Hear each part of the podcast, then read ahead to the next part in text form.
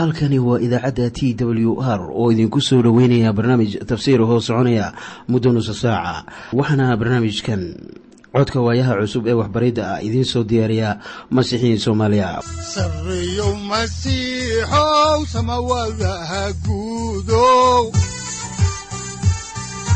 Siraadkii adduunkow subanaha eebow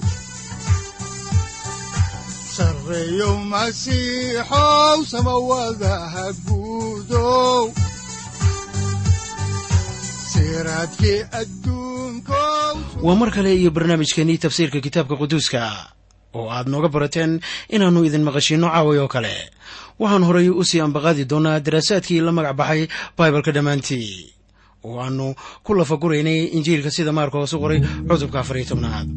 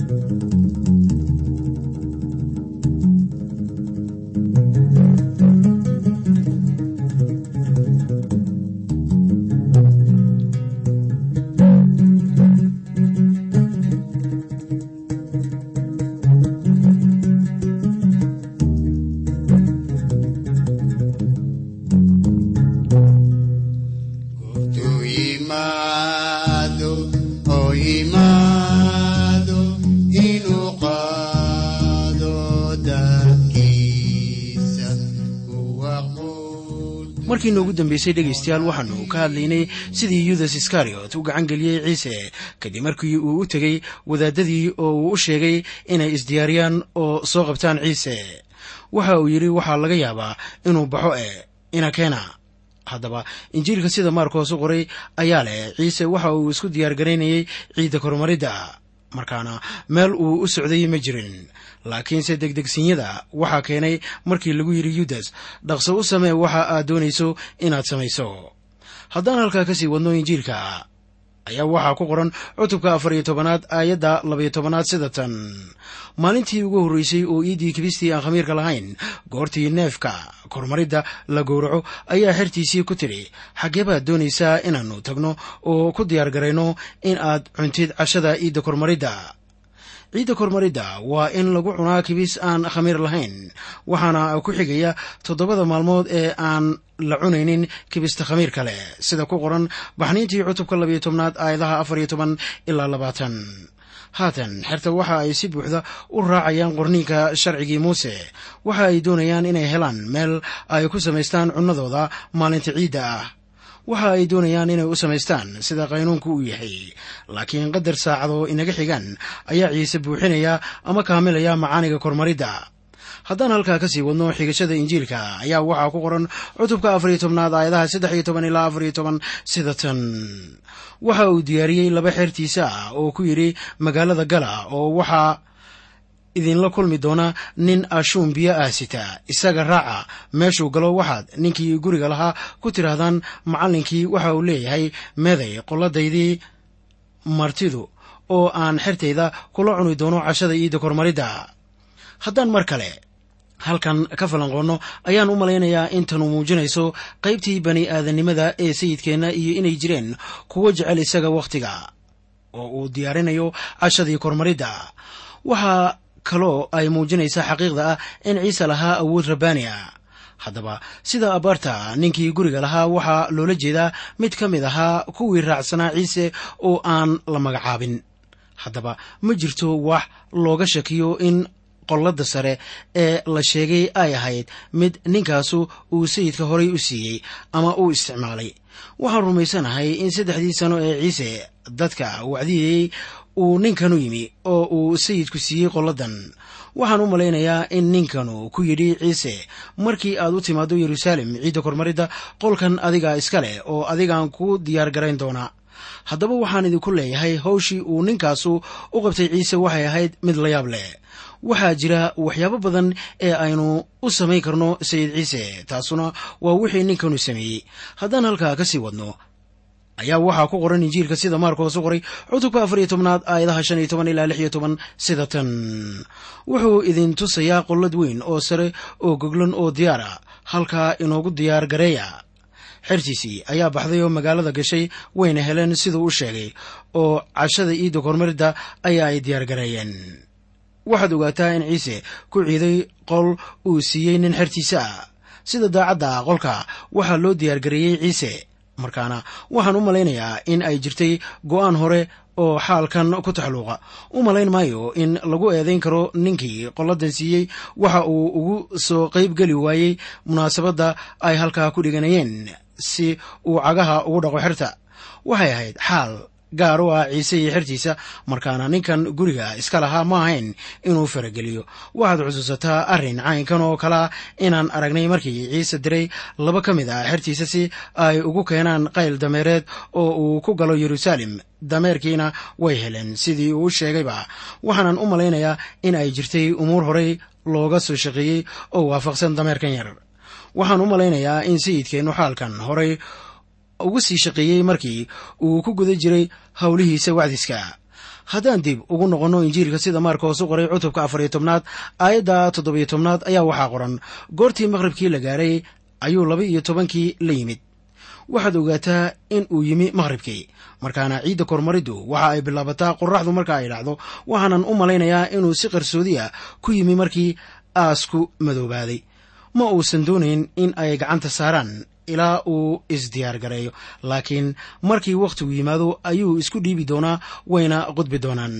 Ha yeeshee sida ay iyagu wax u farsamaysteen u dhici mayso. Laakiin waxa ay u dhacaysaa sida sayidku uu jadwalka u qoray taasuna waa wax aad iyo aad u wanaagsan haddaba fursaddanu waa mid aad u wacan oo waxa uu cashada kormaridda la cunayaa xertiisa iyaga oo fadhiya meel fadhi wanaagsan oo aan ahayn meelihii ay u barteen. Haddaan halkaa ka sii wadno ayaa waxaa ku qoran injiilka sida maarkoos u qoray cutubka afar iyo tobnaad aayadda siddeed iyo tobnaad ilaa sagaal iyo tobanaad sida tan. Oo intay fadhiisteen oo wax cunayeen ciise baa yidhi runtii waxaan idinku leeyahay midkiin oo wax ila cunaya ayaa i gacan gelin doona markaasay calool xumaadeen oo midbaa mid ku yidhi ma anigaba. Iyaga oo dhaniba waxa ay garanayeen in ay sidaas samayn karaan saaxiib. Haddii aadan soo saarin haddaba in aad gebi ahaan silloon tahay oo aadan ahayn qof wanaagsan laakiin aad dembiilo tahay oo aad xoog u leedahay inaad ilaaha dhabarka ka jeediso weli wax badan ma aadan soo saarin. Nasiib darose waxaa jira kiniisadaheenna dad ayan la ahayn in ay dembiilayaal yihiin kuwaasoo lumay waxaa kaloo jira dad badbaaday waddankeenna oo aan ogeyn inay mar kale ilaah ka tegi karaan. Markaasaa mid waliba leeyahay ma aniga ilaah ka tegaya. Haddaan halkaa ka sii wadno injiilka ayaa waxaa ku qoran cutubka afar iyo tobnaad aayadaha labaatan ilaa koob iyo labaatan sida tan. Wuu jawaabay waxa uu ku yidhi waa mid ka mid a laba iyo tobankii oo saxanka gacanta ila gesha wiilka aadanuhu waa baxaya siday u qoran tahay laakiin hoog waxaa leh ninkaas wiilka aadanaha gacan gelinaya. Waxaa ninkaa u wanaagsanaan lahayd inaanu dhalan. Haddaba ninka waa yudas iskariot kaasoo go'aansaday in uu gacan geliyo sayidka. Mas'uuliyadda yudas way weyneed waayo waxa uu haystay fursad uu ciise kula joogo saddex sano. Sabuurlaha ayaa leh sida ku qoran sabuurka koob iyo afartanaad aayaddiisa sagaalaad sida tan xataa saaxiibkaygii aan isku hadleeyey oo kebistayda cunay ayaa cirabtiisa ii qaaday. Wuxuu haatan tilmaamayaa yudas iskariot waxaanan u malaynayaa in yudas iskariot uu meesha ka dhaqaaqay isla saacaddan. Haddaba ciise waxa uu halkan ku qabanayaa ciid cusub oo uu ka dul samaynayo ciiddii hore ee sii naaqusmaysay waa ciidda kormaridda ee. Wuxuu qutumiyey taallo cusub maahan tan laga sameeyey naxaasta iyo maarta laakiin waa tan laga sameeyey waxyaabahan baaba'aya waa rootiga iyo khamriga. Ciidda kormaridda ayaa horay u eegaysa imaanshaha ama imaanshaha ciise masiix isaga oo ah baraarkii kormaridda haatanna cashada sayidka waxa ay gadaal u soo eegaysaa dhimashadiisa. Kibista ayaa ka hadlaysa jirkiisa kaasoo la burburiyey. Xusuuso inaanay jirin laf jirkiisa ah oo la jebiyey. Haddaan xigashada horay u sii wadno ayaa waxaa ku qoran injiilka sida maarkoos u qoray cutubka afariyo tobnaad aayadaha labaiyo labaatan ilaa shan iyo labaatan sida tan. Oo intay wax cunayeen ciise ayaa kibis qaaday oo barakadeeyey. Wuuna jejebiyey oo iyaga siiyey oo yidhi qaata tanu waa jirkaygiiye kolkaasuu koobkii qaaday oo mahadnaqay oo siiyey iyaga oo kulli way ka wada cabbeen. Wuxuu ku yidhi kanu waa dhiiggayga axdiga cusub kan kuwo badan loo daadshay. Runtii waxaan idinku leeyahay mar dambe midhaha canabka ah kama cabbi doono ilaa maalinta aan boqortooyada ilaah ka cabbi doono kan cusub. Waxaa halkan yaalla saaxiib dhowr shay oo aan u malaynayo inay ahamiyad iyo xiiseba leeyihiin. Koobka kormaridda ayaa wakhti badan la wareejiyey wakhtigaas ayaa ay heeseen zabuurka la yidhaahdo haleel cashada sayidku waxa ay gadaal u eegaysaa ama ay ku xidhan tahay wixii uu inoogu sameeyey iskutallaabta muddo haatan laga joogo laba kun iyo labaatan sannadood. Ciidda kormaridda waxa ay dhowraysaa imaanshihiisa laakiin kormaridda waxa ay ku eg tahay boqortooyada zamanku markii ay timaado sida uu inoo sheegayo iyo xisqeel. Haddaan halkaa ka sii wadno injiilka sida maarkoos u qoray cutubka afar iyo tobnaad aayadaha lix iyo labaatan ilaa koob iyo soddon ayaa waxaa qoran sida tan goortay gabay amaana ku gabyeen waxa ay u baxeen buur saytuun. Markaasaa ciise waxa uu ku yidhi kulligiin waad iga xumaan doontaan waayo waxaa qoran arijirkan dili doonaa iduhuna way kala firdhi doonaan.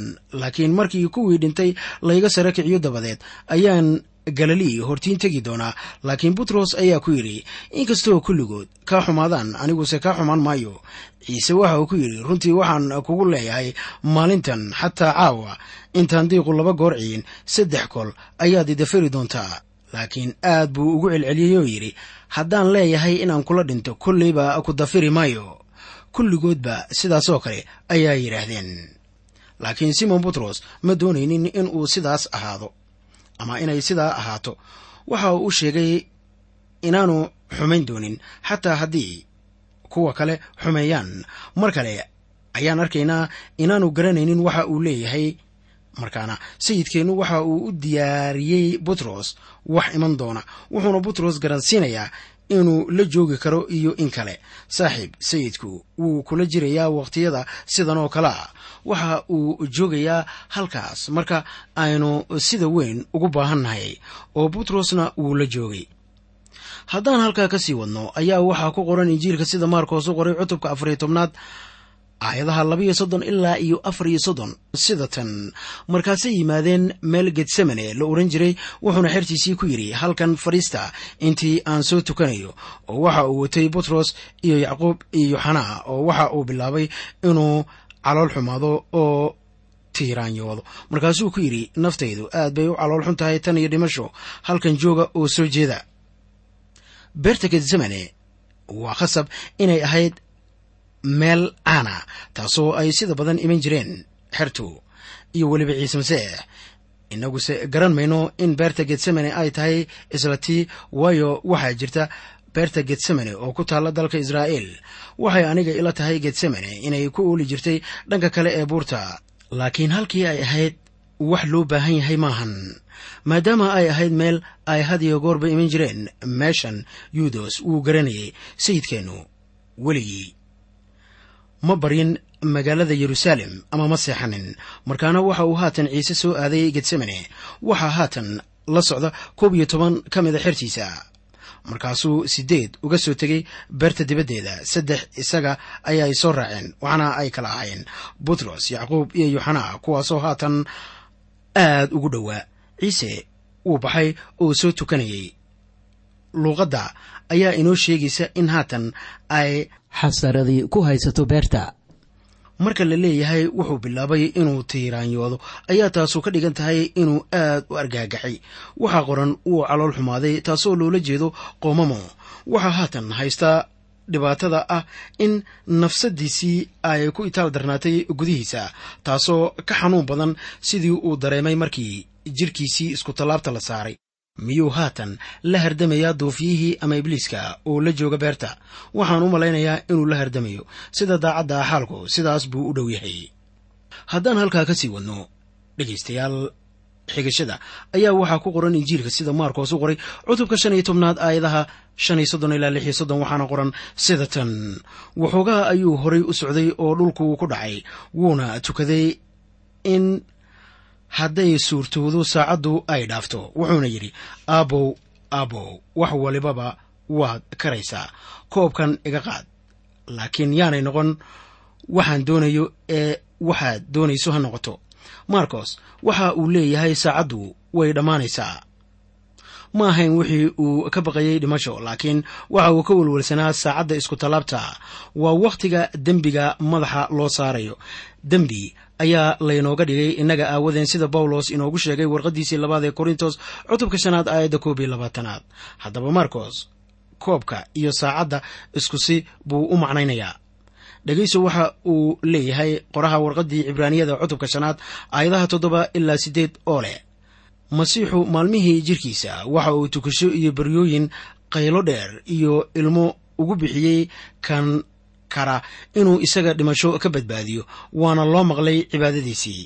Inkastuu wiil ahaa welibana wuxuu addeecid ku bartay waxyaalihii uu ku xanuunsaday. Haatan wuxuu ku soo noqonayaa halkii ay joogeen saddexdii xertiisa ahayd. Waxaanan eegaynaa injiilka sida maarkoos u qoray cutubka afar iyo tobnaad aayadaha soddon iyo toddoba ilaa soddon iyo siddeed waxaana qoran sida tan.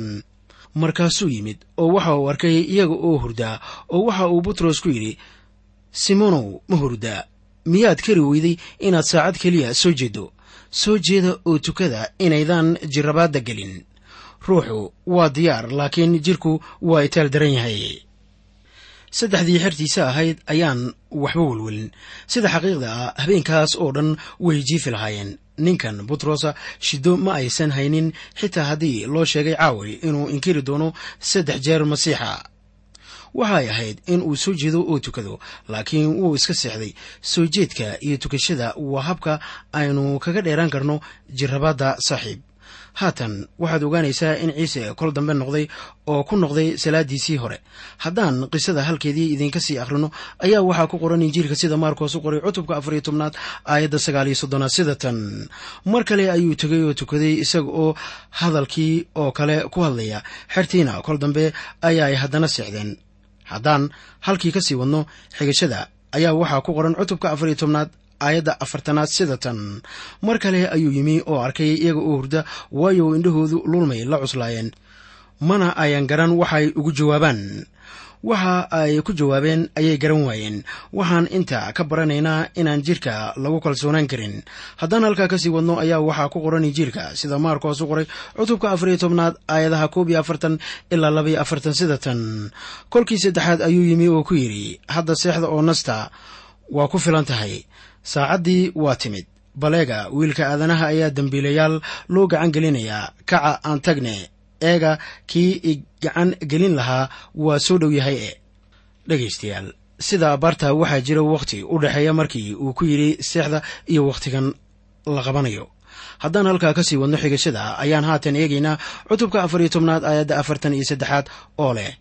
Kolkiiba intuu weli hadlayey ayaa yuudas oo laba iyo tobankii ka mid ahaa yimid isaga iyo dad aad u badan oo seefo iyo ulasita waxa ay ka yimaadeen wadaadada sare iyo culimmada iyo waayeelada waxaa halkan ku qoran ficilkii ugu xumaa ee weligii la arkay.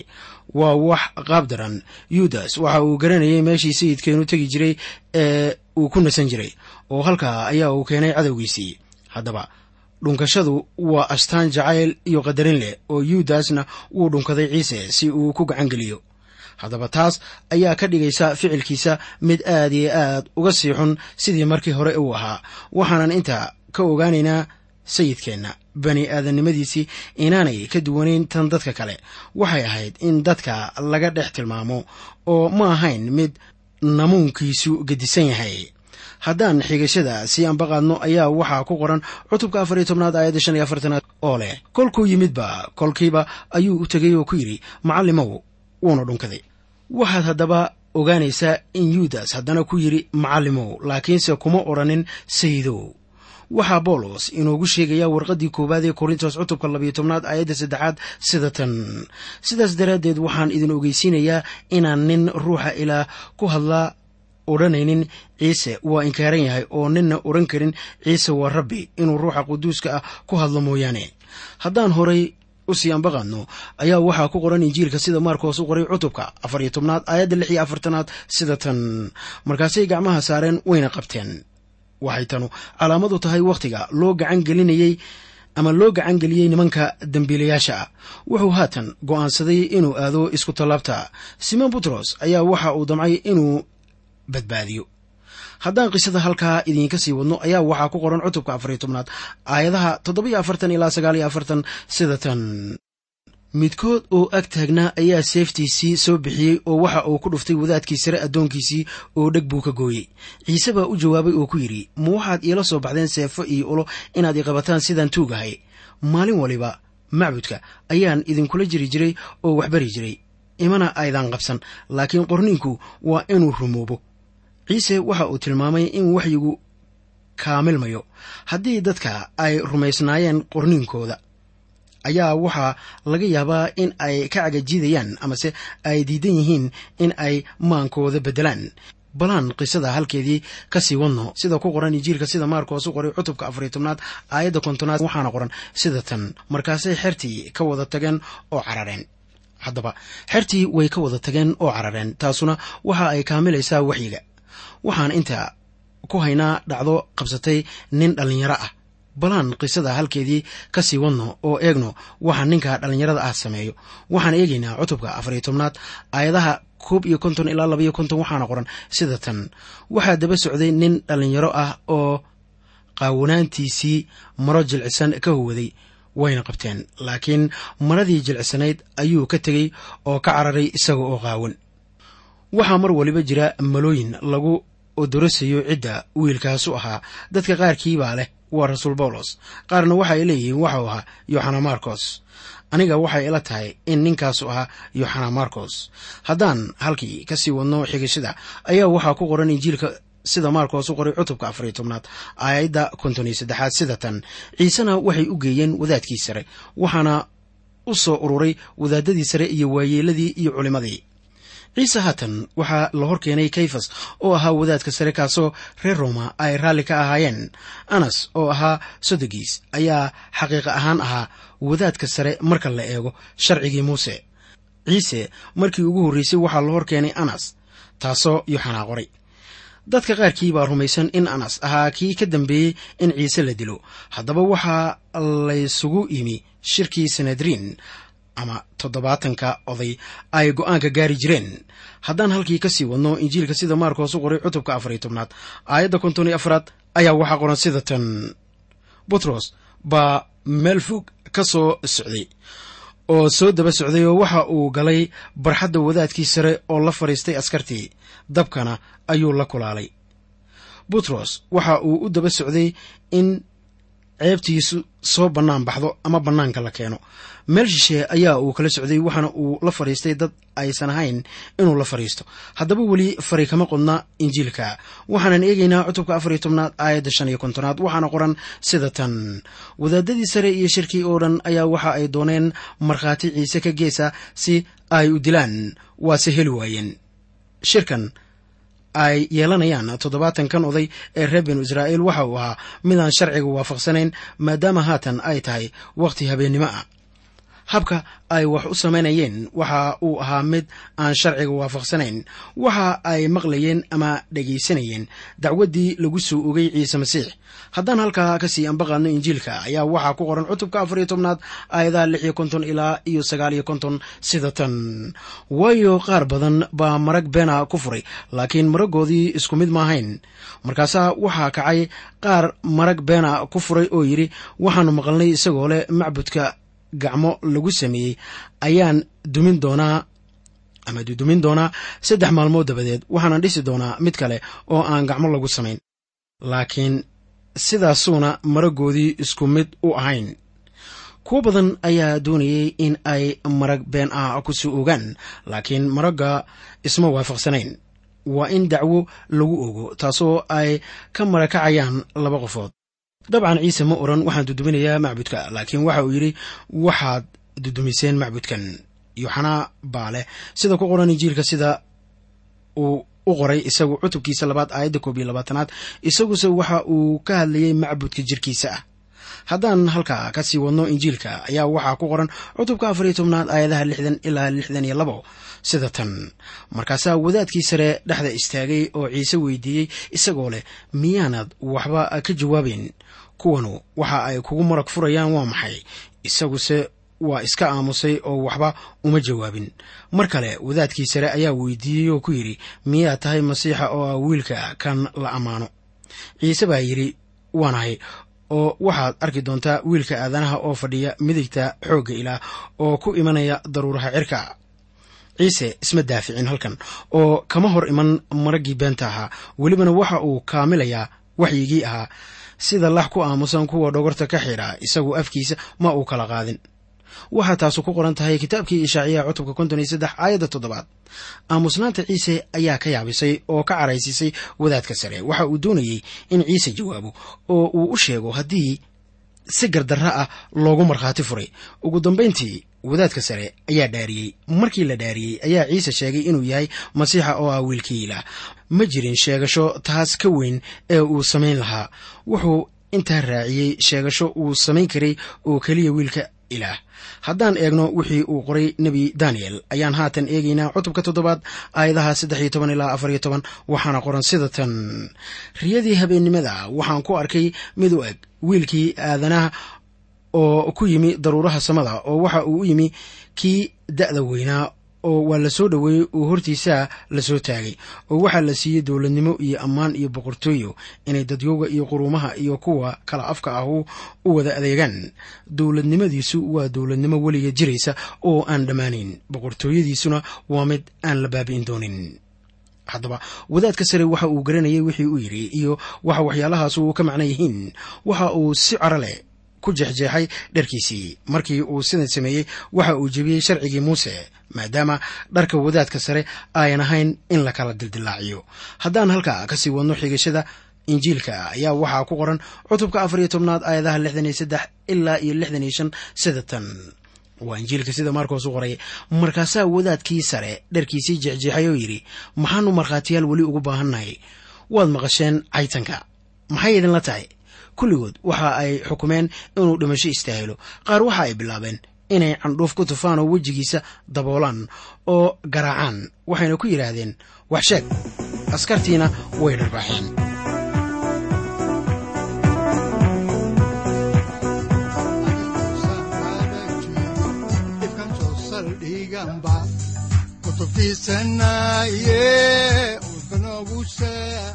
halkani waa t w r idaacadda t w r oo idinku leh ilaa ha idin barakeeyo oo ha idinku anfaco wixii aad caawi ka maqasheen barnaamijka. Waxaa barnaamijkan oo kalaa aad ka maqli doontaan habeen dambe. Hadahan oo kale haddiise aad doonaysaan in aad fikirkiina ka dhiibataan wixii aad caawi maqasheen ayaad nagala soo xiriiri kartaan som t w r at t w r c o k e haddii aad doonaysaan in aad dejiisataan oo kaydsataan barnaamijka ama aad mar kale dhegaysataan fadlan mar kale booqo www t w r o r g amase waxaad teleefoonkaaga ku kaydsataa ama ku download garaysataa agabyada ku sahli karaa dhegeysiga t w r haddii aad doonayso in laga kaalmeeyo dhinacyada fahamka kitaabka amase aad u baahan tahay duco fadlan fariimahaaga soo mari bogga aaraahda ama kommentska inana jawaab degdeg ah ayaanu ku soo diri doonaa amase ku siin doonaaye